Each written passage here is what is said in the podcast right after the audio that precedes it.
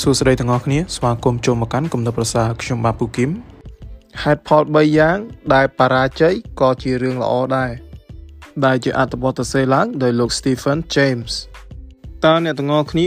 ភ័យខ្លាចការបរាជ័យដែរឬទេ បាទប៉ុន្តែគ្មាននរណាគេចូលចិត្តការបរាជ័យនោះឡើយប៉ុន្តែបើសិនជាអ្នកចង់ជោគជ័យនៅក្នុងជីវិត អ្នកត្រូវតែប្រឈមមុខជាមួយនឹងការបរាជ័យ ដោយអ្វីដែលអ្នកទាំងអស់គ្នាឧស្សាហ៍ឃើញនោះគឺគេតែងតែអបអរសាទរឬក៏ជប់លៀងសម្រាប់ភាពជោគជ័យប៉ុន្តែបញ្ហានោះគឺថាយើងនឹងមិនដែលលឺនរណាគេជប់លៀងរឿងបរាជ័យការធ្វើកំហុសក៏ដូចជាជួបឧបសគ្គបបាក់បបាក់ផ្សេងផ្សេងឡើយហើយជារឿយរឿយ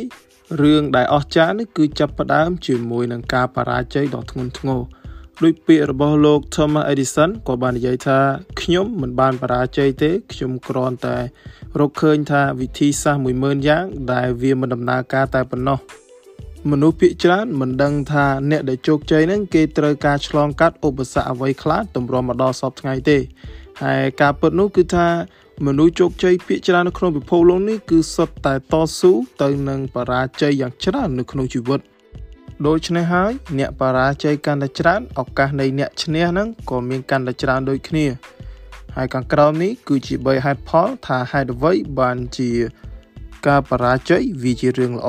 ដែលវាមានដូចជា ទី1បរាជ័យគឺជាការតម្រង់ទិសដៅម្ដងទៀតនៅពេលដែលជីវិតវាមិនដំណើរការដោយដែលយើងបានធ្វើផែនការហើយវាមានភាពងាយស្រួលណាស់ដែលយើងមានអារម្មណ៍ថាពួកយើងបរាជ័យ តែទោះបីជាយ៉ាងណាក៏ដោយខ្ញុំសូមលើកទឹកចិត្តដល់អ្នកទាំងអស់គ្នាផ្លាស់ប្ដូរនៅផ្នត់គំនិតក៏ដូចជាកំណត់ទិសដៅសារជាថ្មី ការបរាជ័យវាមិនមែនជារឿងអាក្រក់ទេប៉ុន្តែពាក្យបរាជ័យទេដែលធ្វើឲ្យយើងមានអារម្មណ៍ថាវាអាក្រក់ពេលខ្លះទៀតបរាជ័យបានបង្ហាញយើងថាកន្លែងដែលយើងរស់នៅរាល់ថ្ងៃហ្នឹងវាមិនស័ក្តិសមឡើយអឺឧទាហរណ៍បើសិនជាអ្នក បរាជ័យក្នុងការធ្វើការងារបច្ចុប្បន្នអញ្ចឹងពេលខ្លះវាអាចជាសញ្ញាដែលប្រាប់អ្នកថាអ្នកត្រូវតែរកអ្វីផ្សេងដែលអ្នកពេញចិត្តជាងនេះហើយបើយើងលើកឧទាហរណ៍បែបស្នេហាវិញគឺថានៅពេលដែលយើងស្រឡាញ់គ្នាហើយបែកគ្នា គឺវាតែងតែមានការឈឺចាប់កើតឡើង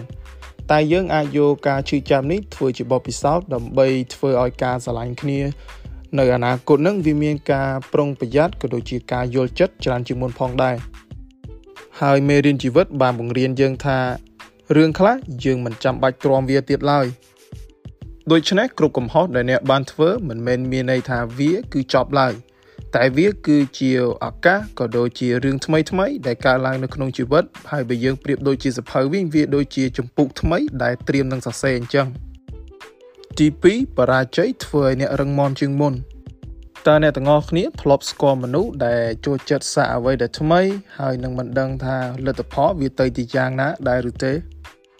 ការខ្លាចភាពបរាជ័យគឺជាហេតុផលធំមួយ ដែលមនុស្សភាគច្រើនបរាជ័យនៅក្នុងការធ្វើសកម្មភាពហើយបើសិនជាអ្នកមិនធ្លាប់បរាជ័យទេក៏មានន័យថាអ្នកមិនដឹងពីសមត្ថភាពរបស់ខ្លួនឯងនឹងវាមានដែនកំណត់ត្រឹមណាដែរអញ្ចឹងហើយទៅពេលដែលយើងធ្វើអ្វីដែលលើសសមត្ថភាពឬក៏អ្វីដែលថ្មី គឺវាមានភាពងាយស្រួលណាស់ក្នុងការបរាជ័យ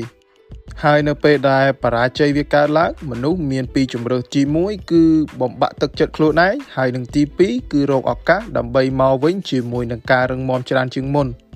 ហើយខ្ញុំសូមលើកទឹកចិត្តឲ្យអ្នកទាំងអស់គ្នាជ្រើសរើសយកជំរើសទី2នៅពេលដែលអ្នកបរាជ័យលើកក្រោយអ្នកទាំងអស់គ្នាត្រូវតែមកវិញជាមួយនឹងភាពរឹងមាំខ្លាំងជាងមុនដើម្បីជំនះវាឲ្យបាន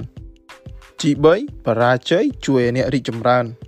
នៅពេលដែលយើងបរាជ័យយើងធំធាត់យើងរីកចម្រើនហើយយើងបានដឹងថាខ្លួនឯងជានរណាគេក៏ដូចជាព្យាយាមយល់ពីខ្លួនឯងច្រើនជាងមុនផងដែរដែលវាជាមូលហេតុដែលយើងដឹងថាអ្វីដែលសំខាន់សម្រាប់យើងហើយនឹងមូលហេតុអ្វីដែលយើងធ្វើសកម្មភាពទាំងនោះបើគ្មានការរីកចម្រើនទេជីវិតប្រហែលជាគួរឲ្យធុញណាស់ហើយអញ្ចឹងហើយទើបការបរាជ័យដែលយើងមិនអាចទាយទុកមុនបាននឹងវាគឺជារឿងមួយដែលគួរឲ្យចាប់អារម្មណ៍ ហើយសំណួរមួយ ដែលការបរាជ័យនាំមកនឹងគឺថាតើយើងរៀននៅអ្វីដែលយើងមិនដឹងថាយើងត្រូវតែដឹងនឹងដោយវិធីណា នៅពេលដែលមាន ការបរាជ័យកើតឡើងមនុស្សភាគច្រើនតែនិយាយអូមែនបាទនេះហើយដែលជាមធ្យោបាយមួយឲ្យយើងដឹងថាយើងមិនដែលគិតពីវាពីមុនមកសោះដូច្នេះហើយមនុស្សដែលមានផ្នត់គំនិតរីកចម្រើន គេតែងតែស្វាគមន៍ការបរាជ័យ ពីព្រោះថាពួកគេមានអារម្មណ៍ឆ្លាតជាងមុនដោយសារតែពួកគេបានរៀនក៏ដូចជារីកចម្រើនច្រើនជាងមុនផងដែរសរុបមកវិញ ការបរាជ័យគឺជារឿងល្អនៅពេលដែលអ្នកបរាជ័យរកមើលមេរៀនហើយស្វែងរកមធ្យោបាយនៃការរីកចម្រើនក៏ដូចជារៀននៅអ្វីដែលថ្មីអំពីខ្លួនឯងក៏ដូចជាពិភពលោកនេះផងដែរដោយពាក្យរបស់លោក Dennis Whitley ដែលជាអ្នកនិយាយលើកទឹកចិត្តរបស់ជនជាតិអាមេរិកហើយនិងជាអ្នកនិពន្ធដែលគាត់បាននិយាយថា ការបរាជ័យគួរតែជាគ្រូមិនមែនជាយមទូតរបស់ពួកយើងឡើយការបរាជ័យអាចពញាពេលតែមិនមែនជាការចោះចាញ់ឡើយការបរាជ័យជាផ្លូវវាបណ្ដោះអាសន្នតែមិនមែនជាផ្លូវតល់ឡើយហើយការបរាជ័យជាអ្វីដែលយើងអាចកិច្ចវាបានដោយយើងមិននិយាយអ្វីទាំងអស់មិនធ្វើអ្វីទាំងអស់ក៏ដូចជាមិនខ្លាចជាអ្វីទាំងអស់ឡើយដូច្នេះបើសិនជាអ្នកមិនធ្លាប់បរាជ័យទេអ្នកក៏គ្មានថ្ងៃនឹងជោគជ័យឡើយ សូមអរគុណពីខ្ញុំពូគឹមសូមជម្រាបលា